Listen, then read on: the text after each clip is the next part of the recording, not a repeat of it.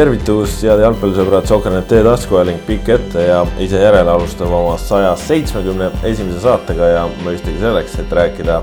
kõige olulisemat jalgpallijuttu maailmas täna. minu nimi Kaspar Elistar, täna siin minuga Martti Kallas. tere päevast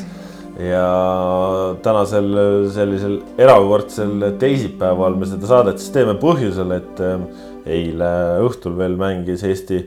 koondis äh, jalgpalli ja et ikkagi jalgpallijutud oleksid terviklikud, siis äh, täpselt nii nagu nädal aega tagasi lubasime, tuleme sedapuhku siis äh, selle saatega tänasel päeval välja ja, ja lisaks sellele, et meie Martiga siin Tallinnas neid kõige tähtsamaid jalgpallijutte maailmas täna siin räägime, on mõistagi meil ka väike lisandväärtus ja see lisandväärtus pärineb siis otse Albaaniast, kus siis taaskord täpselt nagu eelmisel nädalal,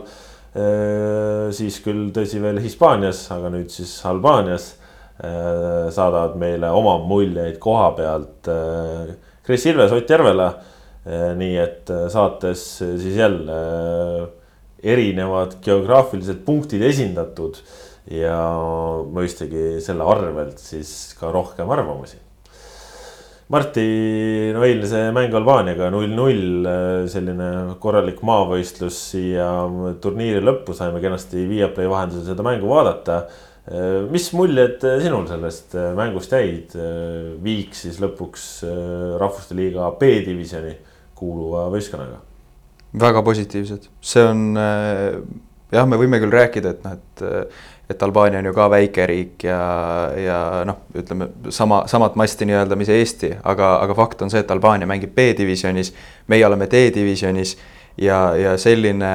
selline tulemus saada kätte võõrsilt, äh, kus äh, nagu ka Rasmus Peetson mängu järel ütles, siis võrreldes Eestiga oli ikkagi väga-väga palav Äh, ilmaolud ei, ei soosinud ka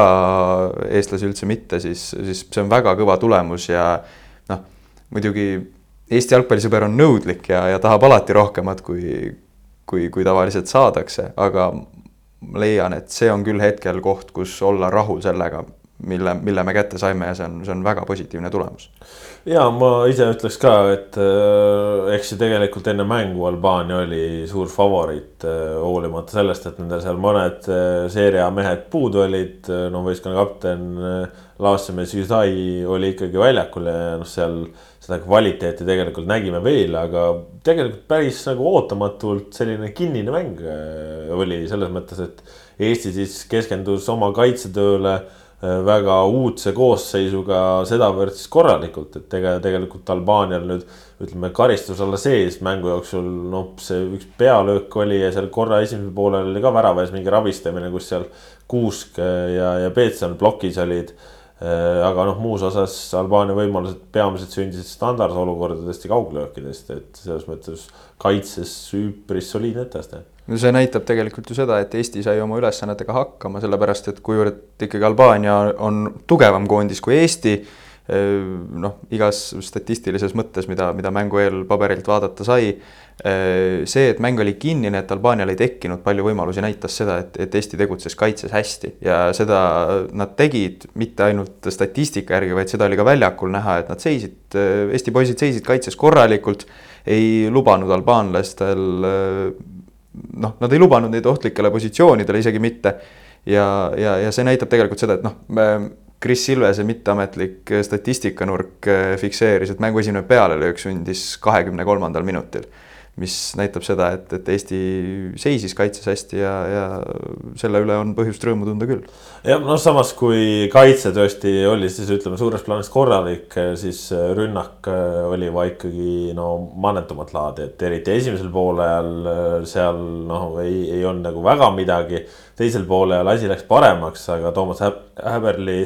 koondise peatreener ütles ka mängu järel ju tegelikult, et noh, esimesel poolel ei mängitud isegi jalgpalli, et ta ei olnud nagu üldse rahul sellega, mis seal nähti, et. Eesti küll kasutab praegu kahte ründajat ees, aga ei õnnestu nagu seal seda palli siduda, et Eestil on nüüd siin noh, tekkinud selline väga kindel põhikoosseisu mees Erik Sorga, et Erik Sorga neli mängu algkoosseisus pealelööke väravale nelja mängu jooksul Vähe. kas kaks võib-olla, et äh, noh. ei nagu suju seal need asjad ja nagu ei tea ka päriselt, millest need asjad on, et keskväli nagu kaitsefaasis töötab ilusti. aga ettepoole nagu kuidagi ei saa või, või ma ei tea, kui, kui saame, siis kas tahame liiga kiirelt minna või ei ole seda kannatlikkust või seda nagu ei saagi nagu täpselt aru, et mis seal nagu selle rünnakuga toimub. no eh, Sorga roll, eh, nagu siin on varem ka kõvasti räägitud erinevates eh, artiklites ja ma ei ole kindel, kas ka eelmise nädala podcast'is, aga, aga Sorga roll Häberli jaoks ongi selline ütleme, rünnakute siduja oma, et tema ütleme, selline top üks eesmärk ei, ei olegi see, et ta nui neljaks pääseks sinna väravavahiga silmitsi ja, ja peaks neid pealelööke tegema, tal on ka muud ülesanded. kuigi tegelikult see on, ütleme, et kui me mõtleme tema kui mängija natuuri peale, siis see on olnud tema üks suuremaid ju trumpe, et ta on õigel ajal õiges kohas ja lööb neid asju ära. nojah, samas ta on ka selles, selles teises elemendis, milles Häberli teda näeb väga osav või noh ütleme nii, et Häberli on otsustanud, et, et, et see on see lahendus, millega Eesti mängib või mängis selles koondise aknas ja, ja noh, see, et eile Albaania vastu väravat ei löödud, noh, ega see ründetegevus noh, ei olnud kaugeltki mitte hea, aga noh, seekord läks nii. no Eesti koosseis äh, oli asi, mille eel äh, räägiti juba enne mängu päris palju, loodeti ja oodati noh, debütant Shane'i, äh, oodati, loodeti võib-olla ka debütant Valnerit lõpuks neid ei tulnud. Äh, Häberli tegi küll põhikoosseisus päris palju vahetusi, aga noh, ütleme seal oli selles mõttes ikkagi ootamatuseid, et äh, Marko Luka alustas enne Artur Pikka, kes on Levadias teinud väga-väga vinge kevade ja kes tegelikult siis piirduski koondise aknas ainult mänguga Argentiina vastu Äh, mis oli selles mõttes üllatav, et Luka sai seal eelise ja, ja Lillander ka ikkagi noh, sai lõpuks peale lõpuks neljandas mängus. aga vahetusest ja, ja viimaseks umbes circa paarikümneks, kahekümne viieks, kolmekümneks minutiks on ju. Äh, mis noh, arvestades seda, et paremkaitsjatest premium-liigas äh, Eesti mängijatest on ta kindlasti parim mees. et see on nagu natukene arusaamatu ja ja selles mõttes ei ole siin ka nagu selgust, et kui Häberlilt ka mängu järel küsiti, siis oli kommentaar suhteliselt lihtne ja lühike, et ei taha nagu väga rääkida nendest asjadest, et. Äh, see on, äh, see on natuke kahtlane küll jah, selles mõttes minu, minu jaoks ikkagi suurim küsimärk. Äh, no ma saan aru, et pikk on, on Häberli jaoks ikkagi tuntud suurus, ta teab täpselt tema mängija omadusi, millist kvaliteeti ta meeskonnale juurde annab. Lukat, noh proovida seal ääre peal sõprusmängus, miks mitte, on ju aga. samas äh, ta on neid proovimisi teinud ju ka Küprose vastu mängis, äh, Walesi vastu. no jah, jah, aga selles mõttes, et eile ei, ei olnud midagi sedavõrd olulist mängus, et, et ta ei oleks, et tal ei oleks olnud nii-öelda noh kuidas öelda, et tal, et ta oleks pidanud igal juhul eelistama pikka Lukale, selle asemel, et anda Lukale minuteid seal koondisakna viimases mängus, aga ähm, selle, selle koosseisu valiku suurim küsimärk, noh, millest pean tunnistama, mina absoluutselt aru ei saanud, oli see, et miks Markus Poom äh, mängis keskväljal kaheksakümmend kaks minutit. ja siis viimaseks kümneks minutiks sai, sai Rocco Robert Shane peale. Shane on ju noh, Hollandi kõrgliiga klubi mängija, äh, peamiselt küll noh, mänginud esiliigas, aga, aga ikkagi ta on, ta on Utrechti mängumees, tal on seda taset ja tegelikult eile ka viimase selle kümmekonna minutiga, mis ta platsil äh, veetis, ta jättis ikkagi sellise noh, kuidas öelda, cliffhangeri, et, et oleks tahtnud näha, mis ta veel teha suudab, sellepärast et ta sekkus tegelikult aktiivselt äh, sai keskväljal äh, paar korda noh, päris hästi pöörata, sööta, noh tunne oli küll selline, et noh, et kui, kui see mäng nüüd veel edasi läheks, siis võiks nii mõndagi juhtuda. aga Poom mängis, mängis kaheksakümmend kaks minutit, noh, tuleb tunnistada, eile ei olnud Markus Poomi päev, kindlasti mitte ja, ja, ja tal need asjad ei kippunud õnnestuma.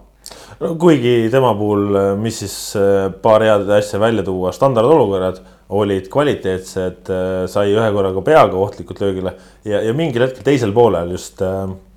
äh meeldis see, et ta ühel hetkel nagu hakkas tunnetama, et noh, tegelikult ma võin siit ka ise minna selle palliga ja ma ei pea seda pelgama ja see oli nagu selline tore, et noh, keskväljal sa peadki initsiatiivi võtma ja, ja rahvusvahelisel äh, tasemel samamoodi, aga jah, no selles mõttes no tõesti, et noh, lõpuks äh, ju tõesti nagu võimalusi anti, aga natukene jah, seal ütleme mingisugused äh, asjad, et samamoodi, et noh, et Kreidat ei ole ja noh, sellest me meil veel saates siin tuleb juttu ka, aga ja ongi noh, et Sinjavski, kes on sul kõige ohtlikum mängija üldse äh, põhimõtteliselt Eesti koondised, siis sa tema tood ka lõpuks ja, ja noh, eelistad siis noh, on, ongi Albaania tugev vastane, konservatiivsemad valikud, aga aga noh, natukene on, on seda hirmu, et mis on ka siin varem Eesti treeneritega olnud, et alguses tuled hurraaga peale, tahad jalgpalli mängida, aga ühel hetkel saad aru, et tulemused on nii, nii, nii olulised ja siis muutub see kõik järjest kaitsvamaks, kaitsvamaks, kaitsvamaks, kuni siis lõpuks ongi see, et noh, kuidas ja kas me üldse siis ründame, on ju, aga noh, see on võib-olla natuke sihuke ettenutmise teema, et äh, noh, praegu selles mõttes tulemus Albaania vastu ju oli, oli viisakas ja, ja noh, koondise tsüklis Rahvuste Liiga mängud ka võideti, et äh, selle nurga alt nagu pole vast nii hull lugu. aga küsisime Ott Järvelalt ka, kes eile koha pealt seda mängu jälgis, kuidas tema siis hindas seda, kuidas mängijad eile oma võimalused äh, ära kasutasid, kes need võimalused sai, nii et äh, anname siit sõna Ott Järvelale otse Albaaniasse. tagantpoolt alustades, siis ma arvan, et oli Matvei Igoneni jaoks väga tähtis, et ta pärast äh, Pamplonas peetud mängu Argentiinaga, kus tuli viis tükki võrgust välja võtta ja kus ta noh, põhjustas ühe penalti ja tegelikult vist põhjustas teise ka, mida kohtunik lihtsalt ei vilistanud. siis, et ta sai nüüd nullimängu et see on, see on Eesti koondise jaoks tähtis. Ehm, noh, kahte head väravahti on vaja ja on vaja kahte heas äh, toonuses, hea enesekindlusega väravahti, ma usun, et Igoneni jaoks see, see tänane mäng äh, oli tähtis. Äh, edasi vaadates Rasmus Peetson tegi tubli mängu. aga oleme ausad, konkurents tema positsioonil on väga tugev. et, et kas ta suutis ennast äh, mängida nüüd äh, keskkaitsjate seas äh, viiendaks või kuuendaks valikuks, eks, eks selles osas äh, tuleb mõelda, tuleb vaadata, noh, selge on see, et, et Karl Mets, Joonas Tamm, Märten Kuusk, Maksim Baskotši on kõik temast eespool. ja nüüd, nüüd edasi hakkab, tekib küsimus, et kas Henrik Pürg või Rasmus Peetson, kahtlemata mõlema kasuks ja kahjuks on argumente. Peetson oli tubli, ma arvan, et ta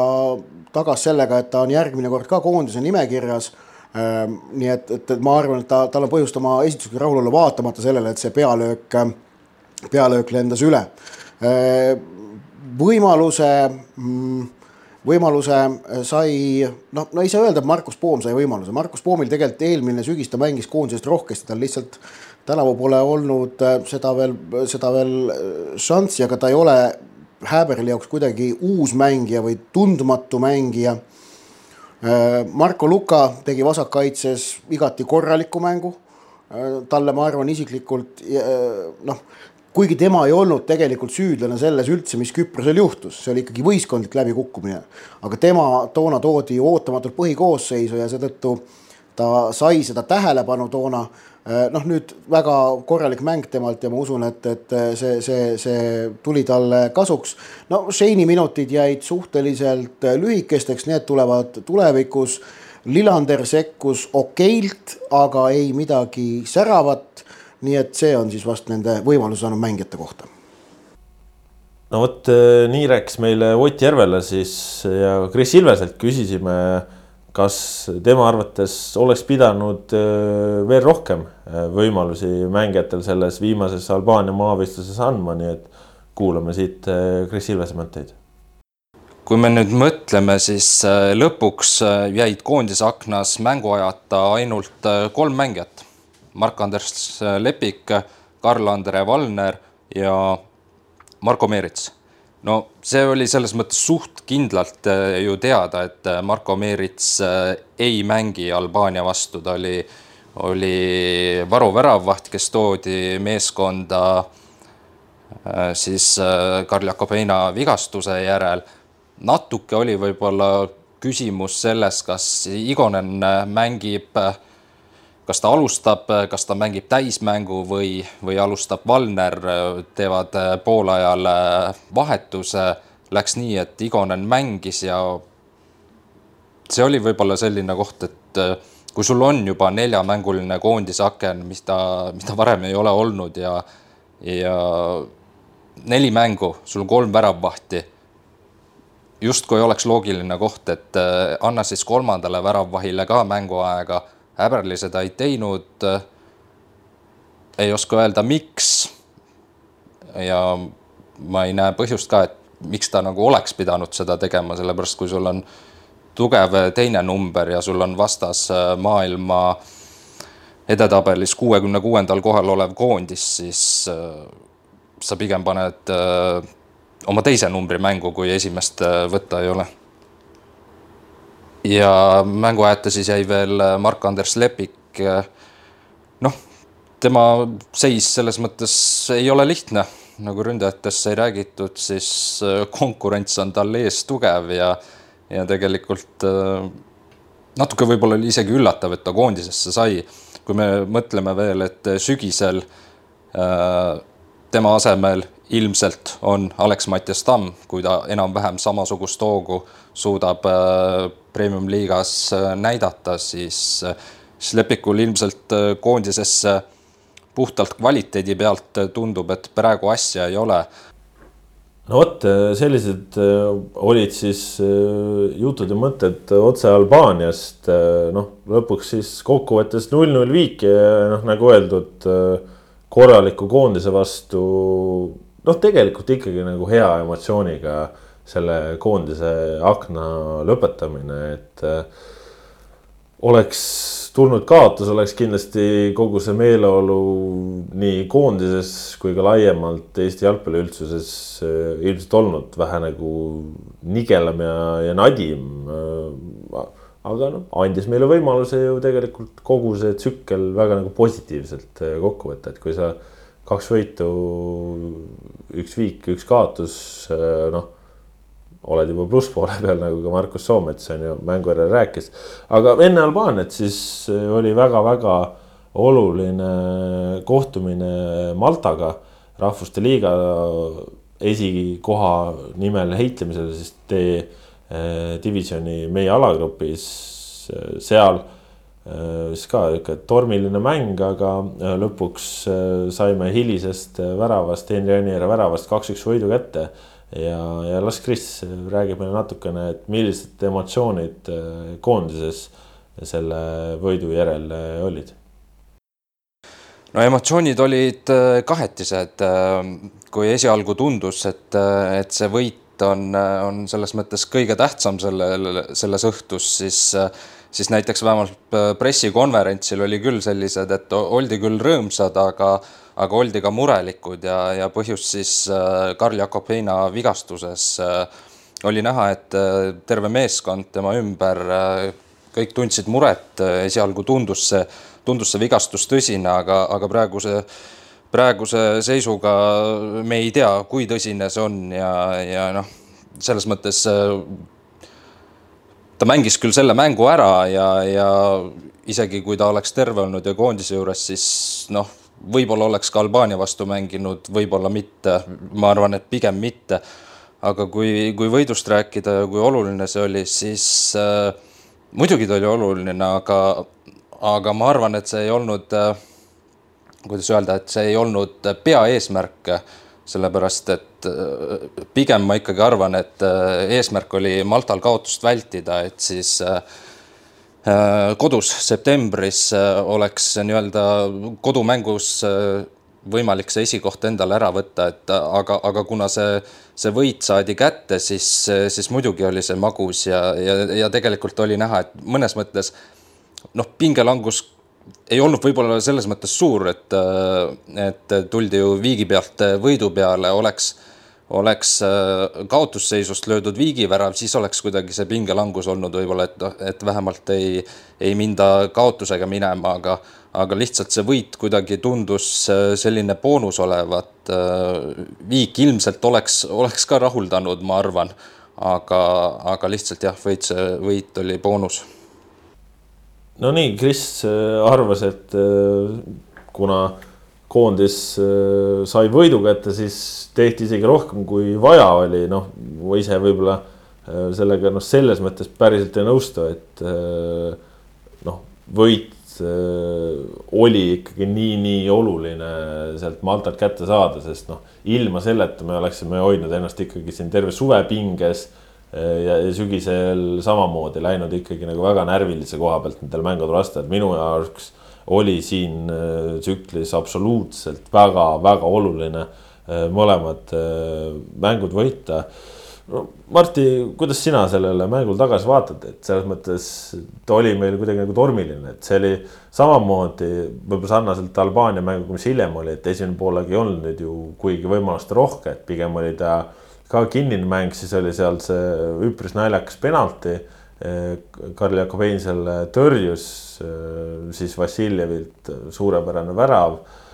teisel poolel Karl Jakobeinalt no väga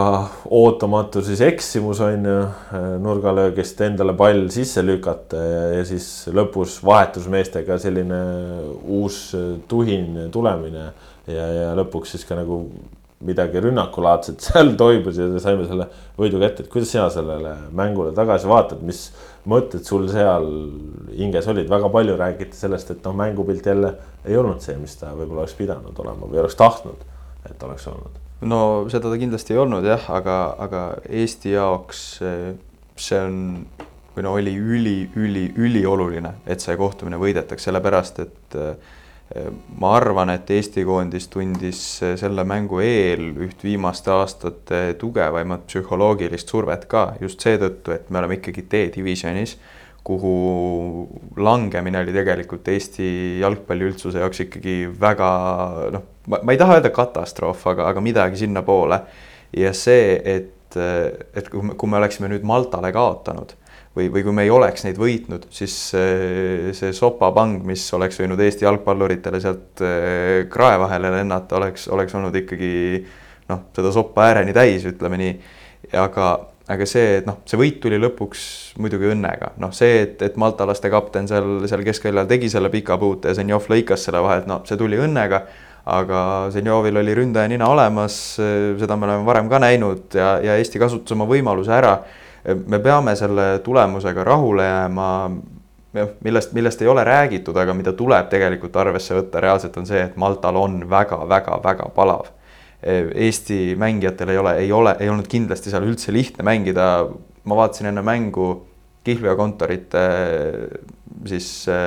koefitsiente ja, ja mitmedki pidasid Maltat ikkagi favoriidiks puhtalt seetõttu, et, et et eh, või noh, ütleme väga suur ja oluline faktor selles oli, oligi see, et eh,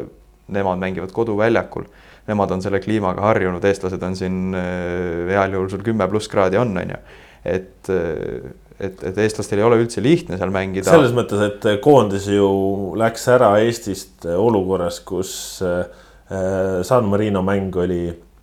oli kümme kraadi ja, ja vihmasadu, et ma tean, ma veel naersin, et ma käisin eh, koondismängul siin eh, talvesaabastega ja siis nädal aega hiljem eh, käisin põhimõtteliselt meres ujumas juba et.... no vot just täpselt on ju, et, et puhtalt see kliimavahe, see, me peame selle tulemusega rahul olema ja, ja õnneks nad said selle kätte ka sealt, selle, selle võidu, mis on noh, tõesti väga-väga-väga oluline, nagu sa ka ütlesid. see võtab meilt ütleme suveks keerab selle praepanni ka natukene, tule natukene väiksemaks, et, et meil ei ole kogu aeg seda survet peal, et nüüd me peame sügisel igal juhul eh, noh, nii-öelda elu või surma peale mängima. kuigi siin äh, oli,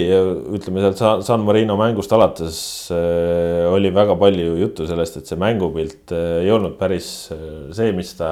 oleks pidanud olema, siis noh, lõppkokkuvõtteks Eesti koondis tuli ju tegelikult äh, sellele tsüklile peale ikkagi väga-väga negatiivsete emotsioonidega. eelmine aasta, mis oli olnud positiivne, kus küll tõsi, aasta lõppes kolme kaotusega, aga kus olid rasked vastased ja noh, oli Balti turniiri võitja nii ja naa, et siis aasta oli positiivne. aga see märtsikuine Küpros, noh, see oli see, mis lõi nagu kogu selle no ikka pasarahe ikka võimsalt käima. no arusaadavalt inimeste pettumus oli suur sinna D-liigasse mudasse kukkumise peale, eks seda on nagu korralikult isegi üle ka võimendatud, siis äh, mulle tundub küllegi just, et nii oluline oli mitte libastada punktimängudes, mida ei tehtud. Äh, saadi väga olulised võidud kätte, noh, Argentiina mäng, et Lionel Messi tegi seal, mis ta tegi, okei okay.. Äh, aga, aga tegelikult ongi, et punktid võeti ära, oli ülioluline ja et nüüd Albaania vastu ka välditi kaotust. tegelikult ma arvan, nüüd loobki selle õhkkonna kus koondises on nagu töörahu on tagasi, et sul ei ole nagu pinget peal. et praegu sellel tsüklil tegelikult tuldi ikka pingetega, sest mis siis, kui sa kodus San Marinot ei võida, mis siis, kui sa Maltale kaotad? See oleks ju ütleme psühholoogiliselt äh, päris nagu no ikkagi rusuv stsenaarium. väga suur respekt äh, nendele meestele, kes Eesti eest väljakule jooksevad, nad äh, jah, noh, me oleme sellest mängupildist juba rääkinud, et see ei olnud ilus ja, ja, ja, ja mida kõike veel, aga see, et sa tegelikult, sul on selline surve nii-öelda turjal, et, et sa pead võitma, sa pead tegema ära selle, mida, mida kõik sult ootavad. ja see tunne on eestlase jaoks harjumatu ja,. jah, jah, jah. See, see, et see tunne seal on ja selle all veel toimetada niimoodi, et sa reaalselt saadki need tulemused kätte, see ei ole üldse lihtne. aga noh, õnneks nad said hakkama sellega ja, ja seda, kuidas üldse kogu veel seda Rahvuste Liigat hinnata, küsisime ka Kris Ilveselt, nii et vaatame, mis äh, värsked mõtted äh, välismaalt meile räägivad. no mängupildi üle võib-olla võib äh, nende kahe mängu puhul nuriseda. võidud ei olnud selles mõttes kindlad, aga, aga kui sul on kahest mängust kuus punkti, siis viie palli süsteemis anda sellele koondise aknale või nendele kahele mängule viis pluss hinne. sellepärast, et äh, antud olukorras minu arust mängupilt äh, ei loe, okei okay,, võib-olla natuke mingil määral ikkagi loeb, aga peamised on ikkagi punktid ja need punktid saadi kätte ja ega siin rohkemat ei olegi midagi. kuus punkti on käes ja, ja koondise start äh, väga edukas. no äh nii rääkis Kris Ilves meil, samas äh, eks siin on äh, olnud natukene ka arutelusid selle üle, et mille jaoks peaks Rahvuste Liigat kasutama, et äh, kas Rahvuste Liigas meil on ilmtingimata vaja siin Konstantin Vassiljevi, Taio Tõniste, Sander Puri ja, ja teiste kogenud mängijate toel nii seda tulemust jahtida või, või peaks olema see, see koht, kus visatagi veel nooremaid vette ja, ja nagu mõelda tuleviku peale, et äh, kuidas Martti, sina nagu sellele vaatad, et ma ütlen, ma ise vaatan sellele nii nagu ma eelmisel nädalal põgusalt ütlesin, et äh, noh, meie olukord on see, et me tahame D-liigast välja saada, ehk siis see ei ole minu arust see koht, kus me peaksime mõtlema lihtsalt sellele, et kunagi tulevikus lõikame mingeid vilju, anname avanssi, proovime mingeid asju minu jaoks need olid väga-väga äh, selged punktimängud, kus iga hinnaga oli vaja tulemused ära teha. kuidas sina sellele vaatad, äh, kas oleks pidanud äh, andma noortele siin rohkem võimalusi? Sõltub, keda me noorteks peame, ma olen täiesti veendunud, et Kostja Vassiljevit ei tohi asendada kellelegi avansi andmise korras. See ei oleks lihtsalt, ütleme, pikas perspektiivis tulemuslik, sellepärast et noh, kujutad sa pilti, et et on üks, üks Eesti mängumees, ründav poolkaitsja, kes ükskõik, kes ta siis ka ei ole, on ta Martin Miller, noh, kes iganes, kes saab selle nii-öelda koha, koostja koha avansi korras. see ei, see ei ole tema enda jaoks ka kasvõi alateadlikult juba elu sees sellise väärtusega, mis ta oleks siis, kui ta selle koha ise Kostjalt välja võitleb. ja kuivõrd hetkel Kostja Vassiljev on Eesti koondises põhikoosseisu tasemel mängija, siis, siis ma ei pea seda õigeks. samas jällegi jah, noh, tuleb tunnistada see, et näiteks Taio Tõniste mängis äärekaitset äh, Sander Puri samal kohal, vot sellest, selle osas ma olen natuke teistsugusel arvamusel seetõttu, et noh, Maicel Lillander, ta, me oleme temast juba rääkinud, ta on Eesti Premium liiga parim äärekaitsja või noh, parim paremkaitsja vähemalt. ma ei näe nagu põhjust, miks,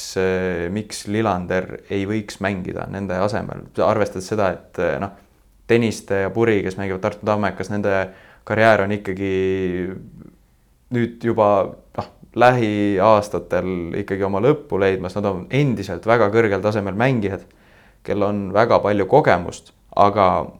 ma ei leia, et noh, nad, nad on, nad on piisavalt eh, head kahtlemata, et olla sellel tasemel, kus me praegu oleme ja, ja ja anda Eesti koondisele juurde, aga Lillander saab seda teha, näiteks Lillander saab seda teha ka pikemas perspektiivis jah, no selles mõttes äh, see on jah, sellega ma olen nõus, et äh, Lillanderi vähesed võimalused on äh, natukene kummaline või, või huvitav, omapärane. samas jällegi näiteks nagu Taio Tõnist, et näiteks kasvõi miks toodi Taio Tõnist siin San Marino mängu lõpus peale või, või miks ta ka Malta vastu mängis, eks ole et siin nüüd äh, mõistus äh, jookseb äh, kokku see või alustas, alustas Argentiina vastu, alustas küll on ju ka. mängis Malta vastu ka üheksakümmend. just, et noh, Taio Tõniste puhul me ju räägime ikkagi sellest, et noh, jah, praegu ta mängib Tartu Tammekas, aga ma ütlen ka see aasta aega ei, ei jõua talle niimoodi mõjuda, et ta, et ta kvaliteet kuskile ära kaoks, et me oleme Taia Tõnistest rääkinud viimased, ma ei tea, kümmekond aastat, et ta on koondise üks stabiilsemaid eh, mehi üldse olnud. kahtlemata. ja, ja, ja noh, see kogemuste pagas, kus ta aastaid-aastaid mängis Norras, oli seal noh, ikkagi üks stabiilsemaid tippmängijaid, tippklubiski mängis Brannis ju et siis noh, see Taio Tõniste kvaliteet olukorras, kus sul on igal juhul vaja tulemust teha, noh, ma saan aru, jah, Argentiina vastu oli ka täismäng, on ju. et äh, sealt sa nagu leiad neid äh, arusaamisi, aga samas jällegi jah, teistpidi ka see Lillanderi case, et äh, et ei ole nagu ju lati alt läbi läinud, noh. ja samas muidugi, kui jällegi noortest rääkida, noh, siis on alati ka see, et noh, aga milliseid noori ja, ja kustkohast sa siis peale tood, et äh, no. vaatame, mis noortekoondised mängisid, U kakskümmend üks koondis, äh, valiksari null väravat, null punkti, väravate vahe lõpuks siis mul, ma isegi ei suuda meeles hoida, kolmkümmend pluss midagi oli see miinuses on ju. Äh, U üheksateist koondis noh, tõsi küll, nüüd progresseeruvalt parandas oma mängu, aga noh, see mis eelmisel nädalal Lätilt saadi, üks-seitse, noh, see oli ikka korralik äh, Eesti jalgpallimatus, seal oli juba valmis, et jumal tänatud, et äh, A-koondis õhtul seal tulemuse tegi, siis U üheksateist koondis nädalavahetusel suutis Soomele juba värava lüüa ja natuke paremini mängida, nüüd eile Leedut võideti ka, et noh, seal ikkagi natukene õnneks tundub, et see üks-seitse oli mingi ikka väga halb juhus äh, ja halbade asjade, halbade asjade kokkusattumine, aga noh, see jällegi jällegi teistpidi näitab kui nagu haprad on ka meie noored just selle vaimse poole pealt, et kui sa ikka saad pidevalt sisse ja ja lükkad kolmandal minutil omale jalga vahelt palli veel võrku, et siis noh, võib-olla sealt nagu siukse enesekindluse puudumist nagu ei olegi kedagi A-koondisesse võtta. Äh, need, kes on, on ära võetud, Hein, Baskotši. Äh, noh, ja nad on, on A-koondises vaieldamatult ikkagi põhikoosseisu tase ka. Äh, ega sealt altpoolt jah noh, nemad äh, mängivad muidugi Inglismaal, aga ja noh, on saanud päris okeil tasemel mänge. aga ega sul ei ole U kakskümmend üks koondisest nagu kedagi võtta väga, A-koondisesse, see, see valik on ikkagi suhteliselt kitsas ja sellised tulemused nagu väga ei julgusta ka, et, et, et võiks seal olla keegi selline, keda, keda nagu proovida. et äh, jah, ma tuleks korraks veel tagasi selle juurde, et, et, et see Tõniste ja Lillanderi olukord äh, Lillanderi eelistamine tennistele ei oleks mingil juhul avansi andmine, see on, see on lihtsalt puhtalt treeneri otsus, mis on hetkel kaldunud tenniste kasuks. jah, noh, me võime rääkida, kuidas on õige või kuidas on vale, aga treener on lihtsalt sellise otsuse teinud ja hetkel pean tunnistama, natukene jääb arusaamatuks, et, et miks, kui sul on kaks väga heal tasemel mängumeest Eesti mõistes, kellest üks on noorem ja teine vanem, siis milleks eelistada vanemat, et noh, see, see kuidagi nagu tundub natukene noh, mitte kahtlane, aga, aga natukene küsitav jah, noh, samas jällegi lõpuks on see, et äh, treener teeb äh, valikuid enda mingisuguste tunnete pealt ja noh, ühegi treeneri pähe nagu lõpuks ei näe, on ju, et tema vastutab tulemuse eest ja noh, kuni on tulemused ja noh, praegu vähemalt ju Rahvuste Liigas tehti ja, ja Albaania ka okei okay, äh, tulemus, siis noh, siis polegi väga nagu midagi kobiseda. Aga küsisime tegelikult ka Ott Järvele käest äh, spetsiifilisemalt Konstantin Vassiljevi kohta, et äh, väga palju on, on räägitud, et võib-olla Kostja päevad on ka loetud, samas praegu vaatab, kuidas Kostja mängib, siis tema on see mees, kes seda ohtu tekitab, nii et äh, küsisime, kas, kas peaks Konstantin Vassiljevi asemel andma juba võib-olla mõnele teisele mehele mängijad või, või tegelikult peaksime nautima Kostja Vassiljevi pakutavat maksimaalselt seni, kuni ta veel mängija karjääris aktiivne on, nii et äh, siit Ott Järvele. no kui me vaatame Toomas Häberli käekirja, nüüd võib öelda juba, et läbi pooleteist aasta, mis ta koondise peatreener on olnud,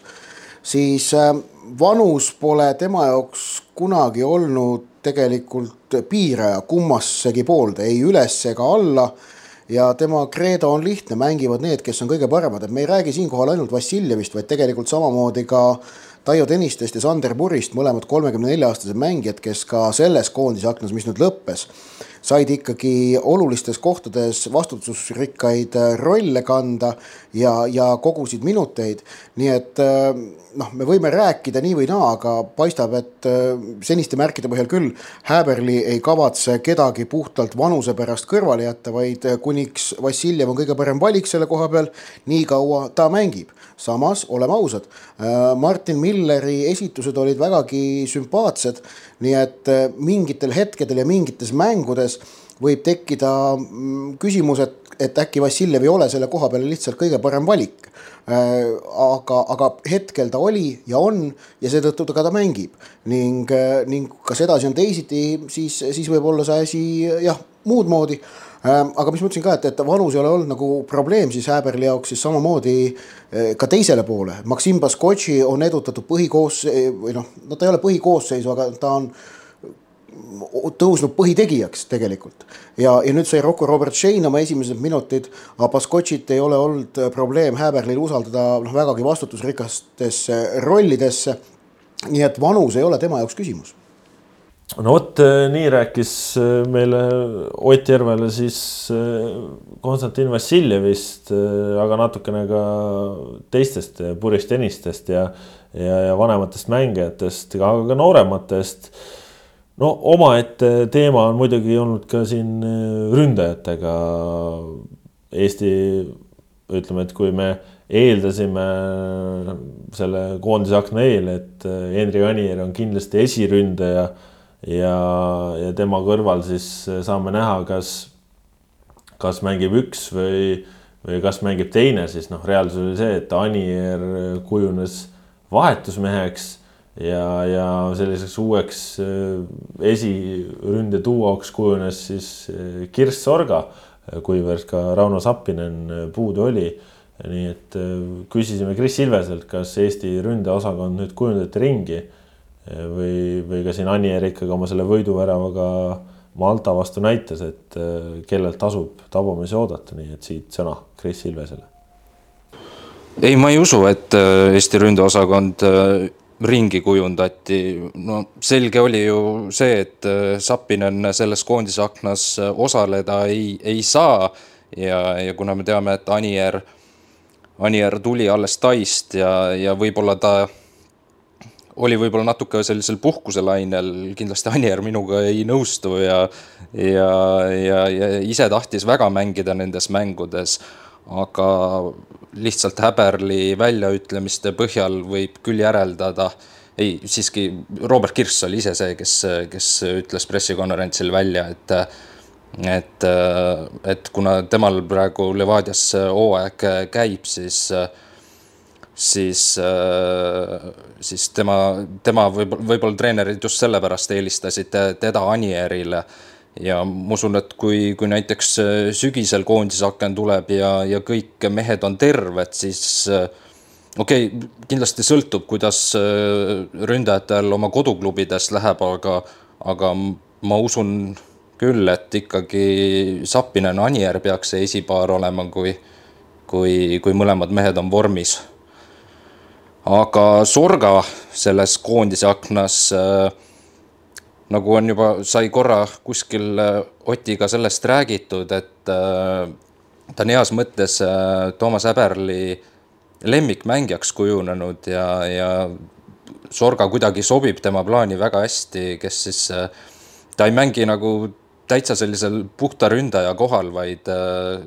päris tihti vajub allapoole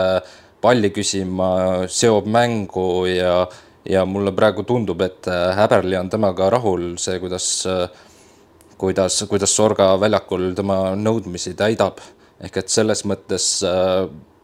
kui ta näeb, et algkoosseisus on sellist mängijat vaja, siis ma, siis ma arvan, et pigem Sorga on see, kes võib-olla võib selle äh, Sapinen, Anier äh, ründepaari lahku lüüa, aga samas, äh, kui ma nüüd mõtlen, siis Sapinen ise suudab ka selline mängija olla, ehk et äh, heas mõttes peavalu nüüd ootab ees sügisel, kui, kui kõik mängijad peaksid, kõik ründajad peaksid terved olema ja, ja hoos ka.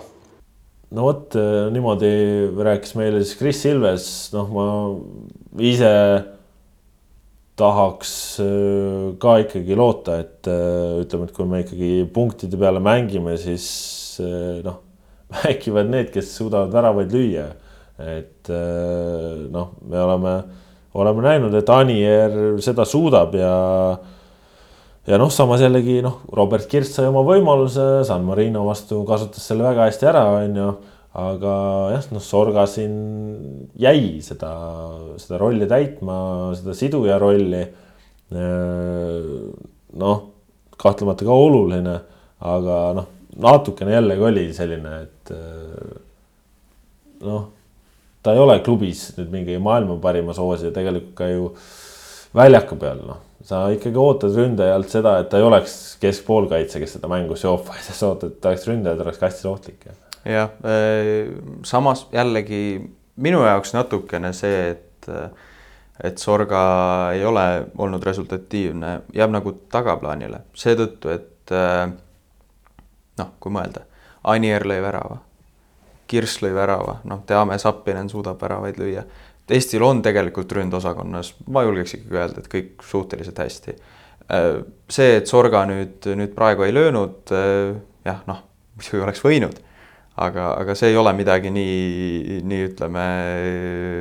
maailma muutvat hetkel, et, et, et, et selle üle väga pead peaks murdma, et, et noh, on, on vormikõver käib ka üles-alla ja, ja kohati on nii ja kohati on naa, aga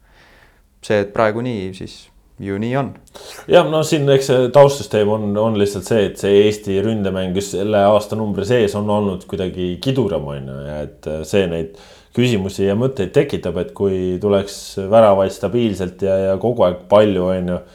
siis võib-olla seda juttu nii palju ei ole, et noh, lõpuks eh, koondis siis nelja mängu peale neli väravat lõi, on ju, kahes mängus siis ei skoorinud. et eh, ja just see nagu võimaluste tekitamine ja nende noh, vormistamise teema nagu natukene on selle aasta küsimus olnud, aga noh, samas jällegi võib-olla sügis tuleb ja, ja võib-olla siis ei ole enam muret, on ju, et siis me ei pea selle peale mõtlema. aga mis oli koondises võib-olla nüüd kõige üllatavam äh, isikkoosseisu mõttes oli see, et Vladislav Kreida, mees, kes on kujunenud viimastel aastatel ikka Eesti keskvälja no absoluutseks võtmemängijaks, kes on mänginud ka siis, kui ta koduklubis pole absoluutselt mitte mingeid minuteid saanud, praegu ta Skövde Aikis Rootsi esiliigas on heas hoos olnud, korralikult mänginud. ja tema siis piirdus selles tsüklis neljakümne viie minutiga San Marino vastu, ülejäänud kolm mängu istus. miks see nii oli, seda küsisime Ott Järvelalt. Markus Soomet sai Argentiina vastu võimaluse ja kasutas selle ära nii, et teda usaldati ka Malta vastu ja seal oli Soomets väga hea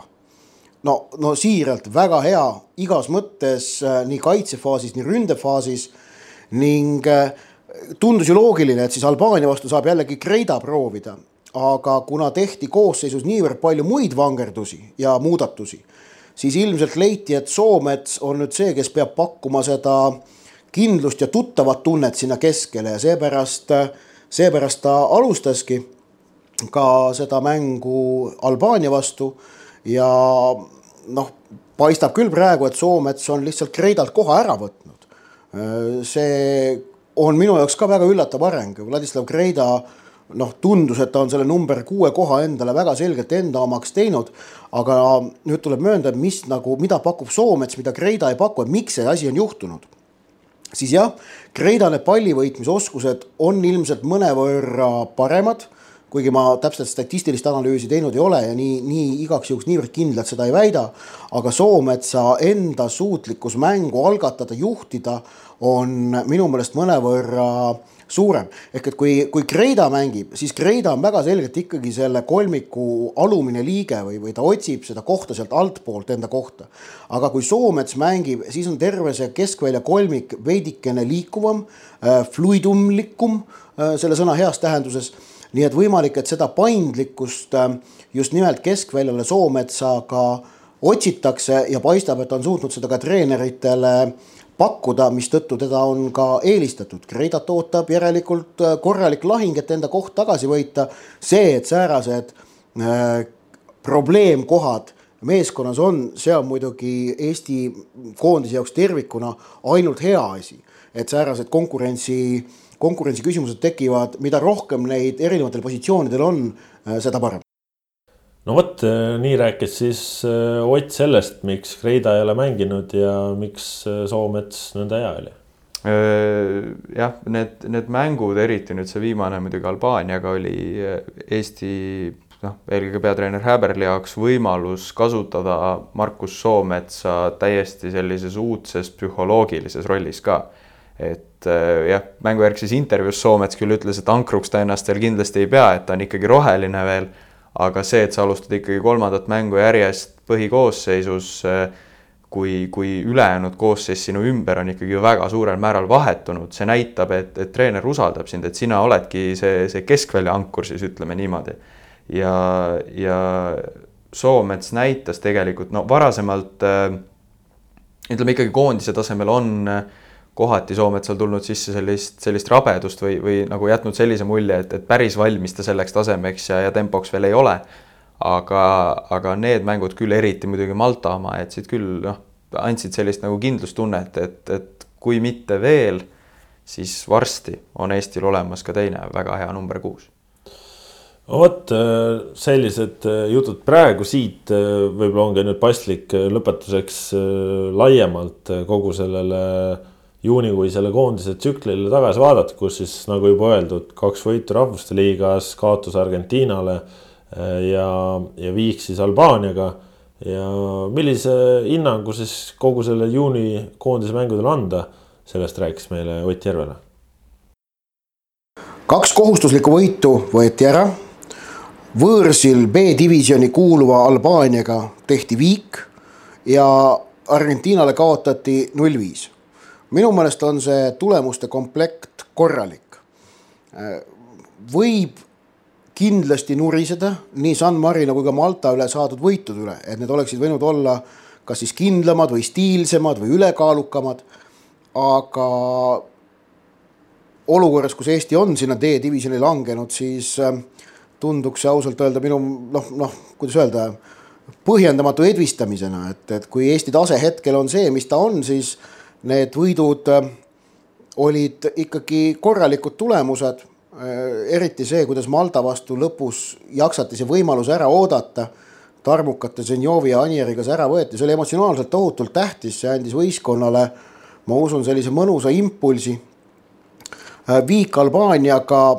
jah, Albaanial oli palju mehi puudu, Eestil oli ka palju mehi puudu. nii et ma selles osas mingit äh, tärnikest sinna taha ei pane, see oligi maavõistlus, kus mõlemad katsetasid, mõlemal oli äh, üpriski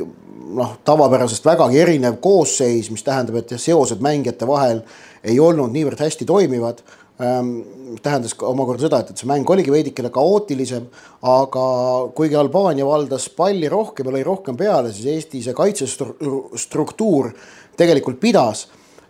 ning äh, see Albaania vastu, kes reaalselt asjade seisu vaadates ongi Euroopa keskmik praegu. ja kui Euroopas on viiskümmend viis jalgpalliriiki ja Albaania on kolmekümne kahe paremas jääs ja seal B-divisjonis noh, enda alagrupis mängib, on hetkel vist küll ja viimane kolmas ähm,. aga noh, see tähendab, et ta on seal kolmanda kümne lõpus, mis omakorda tähendab, et, et ta on keskmik, et selle vastu viik võõrsil väljak, võõral väljakul pole üldse paha tulemus.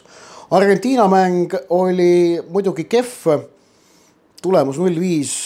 noh, ei jätnud head tunnet ühestki otsast. no see, et Lionel Messi selle viieka lõi, see nüüd ka olulist leevendust ei pakkunud.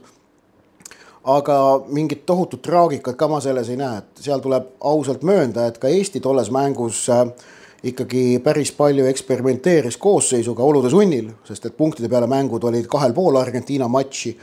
nii et ma arvan, et seda koondise akent äh, tuleb tervikuna hinnata korralikuks mängijate osas ei näinud küll kelleltki selget, äh, ma arvan, läbikukkumist või, või läbipõlemist. Äh, see tuumik, keda Häberli on, on valinud ja keda ta usaldab, see selles koondise aknas tegi töö ära ehk et märtsis, kui kollektiivselt ebaõnnestuti, siis nüüd ma julgen öelda, et noh, väikene õnnestumine ikkagi kogu see koondise aken äh, tervikuna ning äh, treeneri jaoks kahtlemata ka. Ma usun, et see Malta üle saavutatud võit oli, oli suure rahulolu allikas. ja, ja kui võistkond suudab lõpus mängu enda kasuks kallutada vahetusest sekkunud ründajate toel, siis natukene kuulub sellest võidust ikka treenerile ka, isegi siis, kui ei taha talle üldse seda võitu anda. Nonii, Martti, oled sa Otiga nõus, et äh, hinnang lõpuks siis juunikuule on positiivne? Jaa, absoluutselt, Eesti tegi ära selle, mida me sinna tegema läksime, mida me tegime noh, San Marino vastu kodus ja, ja, ja mida me tegime ka võõrsil. see, et noh, Eesti jalgpallisõber on, on nõudlik,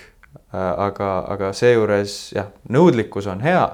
aga nõudlikkusel ja virisemisel on ka oma vahe sees. me ei saa eeldada, et Eesti läheb praegu Maltale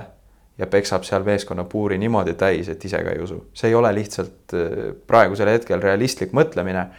Äh, samamoodi ei saa me eeldada, et, et, et Eesti koondise kaitsjad hoiavad Lionel Messit nulli peal, see ei ole võimalik. see on, või noh, see ühel ilusal päeval kindlasti on võimalik, aga, aga Messi tase on lihtsalt sedavõrd kõrge, et, et. kas see et, ilus no,, ilus päev on siis, kui Messi on seitsekümmend või? no umbes midagi sellist jah. Äh, aga, aga jah üldiselt me peame selle aknaga praegu rahule jääma, sellepärast et noh, kui me mõtleme, punktimängud on võidetud, B-divisjonis äh, mängiva Albaaniaga mängisime viiki. Äh, okei okay,, Argentiinale kaotasime suurelt, noh, see selleks, juhtub. aga, aga üldmulje ikkagi ma ei, ma ei näe, et siin oleks nagu ütleme, mängijate esituste üle võimalik nuriseda nagu mingil moel jah, no selles mõttes äh, jah, ise sai siis staadionilt äh, nähtud ainult esimest mängu, ülejäänud kolm mängu äh, sai siis vaadatud Viaplay vahendusel, toimus nad võõrsil on ju. aga mis nagu minu enda selline tunne on, on ka just see, et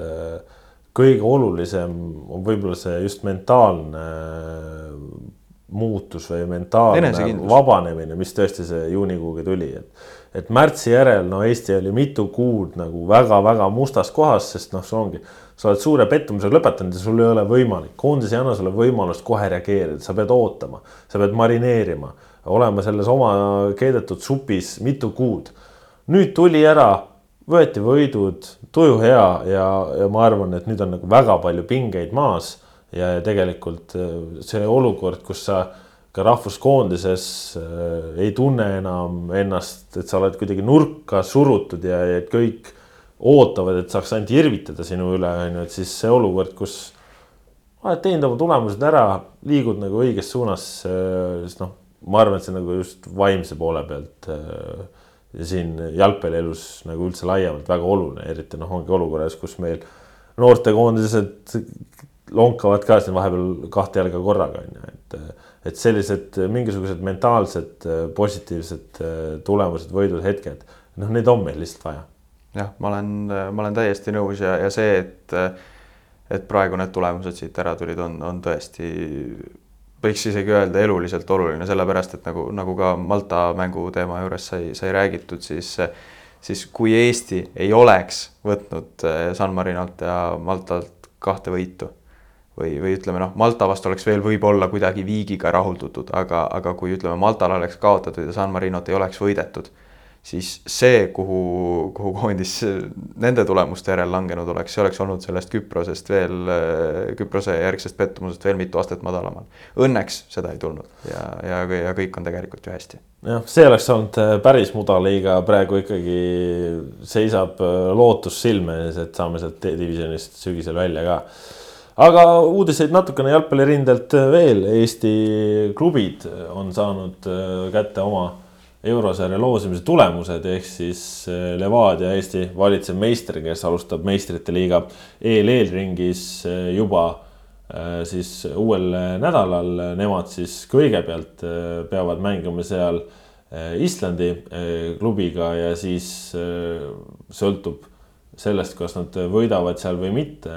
tuleb vastaseks kas siis San Marino või Andorra sats, jah?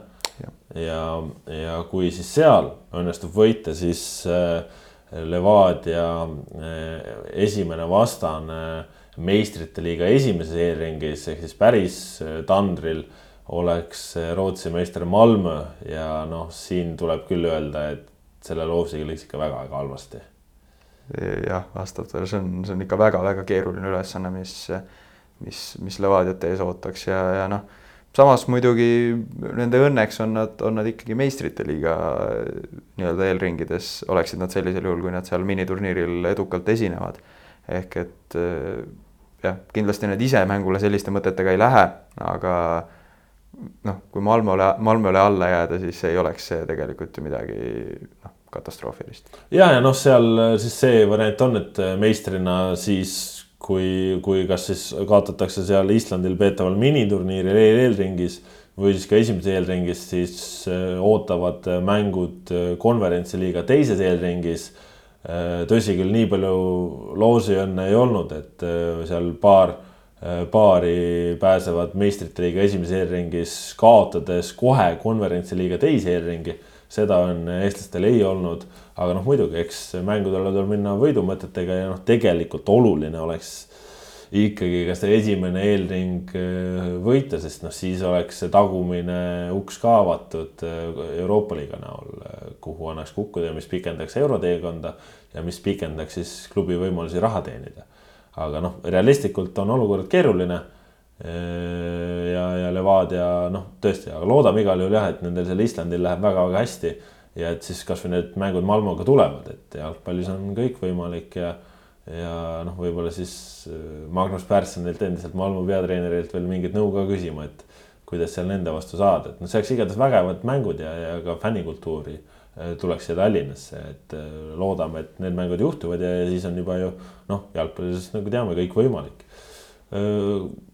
Klubidel, kes kohe konverentsiliigas osalevad, Flora ja Paide no nendel läks äh, loosiga ikkagi tunduvalt paremini, et siin äh, loosimine kulges sedasi, et Floral oli lõpuks valida, kas Iirimaa või Soome klubi ja Flora sai siis vastaseks Seinajogi ESK, kus on siis karjääri jooksul mänginud Aksalud, Kamsid, Kingid, Beglarsvilid, Elhid. Äh, kindlasti Soome vastane Eesti satsi jaoks ei ole mingi meelakkumine, aga noh, Flora, kes mängis konverentsiliiga alagrupi turniiril ja, ja kui me siin oleme nii palju Äh, rääkinud sellest, äh, kuidas Eesti ja Soome jalgpalli tasakaalud on, siis noh, SJK, kes hetkel on Soome kõrgliigas üheksandal kohal. no Flora ikka võiks ja lausa võib-olla isegi peaks selle mängu võitma, et no siin midagi hullu küll ei ole selles mõttes, et, et Soome klubi ei ole kindlasti lihtne. aga noh, Flora jaoks see peaks ikkagi hammustatav sats olema jah, kui, kui Flora esimesest ringist edasi ei jõua, siis nende jaoks on see kindlasti pettumus Seinajogi ei ole, ei ole seda hooaega seni eriti hästi mänginud, nagu sa juba ka ütlesid, nad on üheksandal kohal, nii et täiesti ütleme, selline hammustusmaterjal. ja, ja Paide siis nendel oli seal loosimise lõpuvalikus kas Gruusia või Moldova. Moldovat ei tulnud, mis oleks olnud ilmselt natukene mõnusam, nii et Paide sai omale vastaseks Tbilisi Dinamo. Gruusial siis hetke liigatabelis kõrgliigas teist kohta hoidva satsi. no ei ole ka nüüd maailma kõige, kõige parem loosimine aga noh, näiteks see, et Paide juba suutis vältida teist aastat siis järjest, et ei pidanud mängima poolakatega, Danski Lehiaga, et noh, see on juba väga suur võit ja lõpuks noh, Gruusia klubi võiks ikkagi heal päeval olla hammustatav. heal päeval kindlasti jah, see kindlasti keerulisem loos kui Floral, aga, aga jällegi noh, heal päeval on kõik võimalik ja, ja jalgpall on ümmargune jah, ja no lõpuks äh, loeb ka eurosarjas see, et isegi kui sa paari ei võida, mis on oluline siis raha teenimise mõttes, siis äh, edetabeli reitingupunktide mõttes on oluline ka mänge viigistada, mänge võita, kasvõi ühte. et äh, uuest hooajast on küll see neljas euro kohta Eestil tagasi, aga noh, selleks me peame ka jätkuvalt eurosarjas hästi esinema ja noh, tegelikult selle loosiga noh, Levadia ei ole rahul, aga, aga Flora ja, ja Paide puhul siin on ikkagi selgelt šansid olemas. ja noh, siis tuleb lihtsalt tõesti loota, et asjad õnnestuvad. No vot, sellised jalgpallijutud äh, olid täna pikk ette ja ise järele saja seitsmekümne esimene saade. toodud ta siis teile kahes osas Tallinnast ja Albaaniast. uuel nädalal oleme teiega juba esmaspäeval, siis ilmselt ka tuttavates oludes, ehk siis kõik inimesed korraga Tallinnas ühes samas stuudios. Tänase saate tõid teieni siis Tallinnast Kaspar Elisser, Martti Kallas ja võõrsilt meiega liitusid tänu Brit-Maria Taelale ka Kris Ilves ja Ott Järvela. kuulake meid jälle, jälgige jalgpalli ja adjöö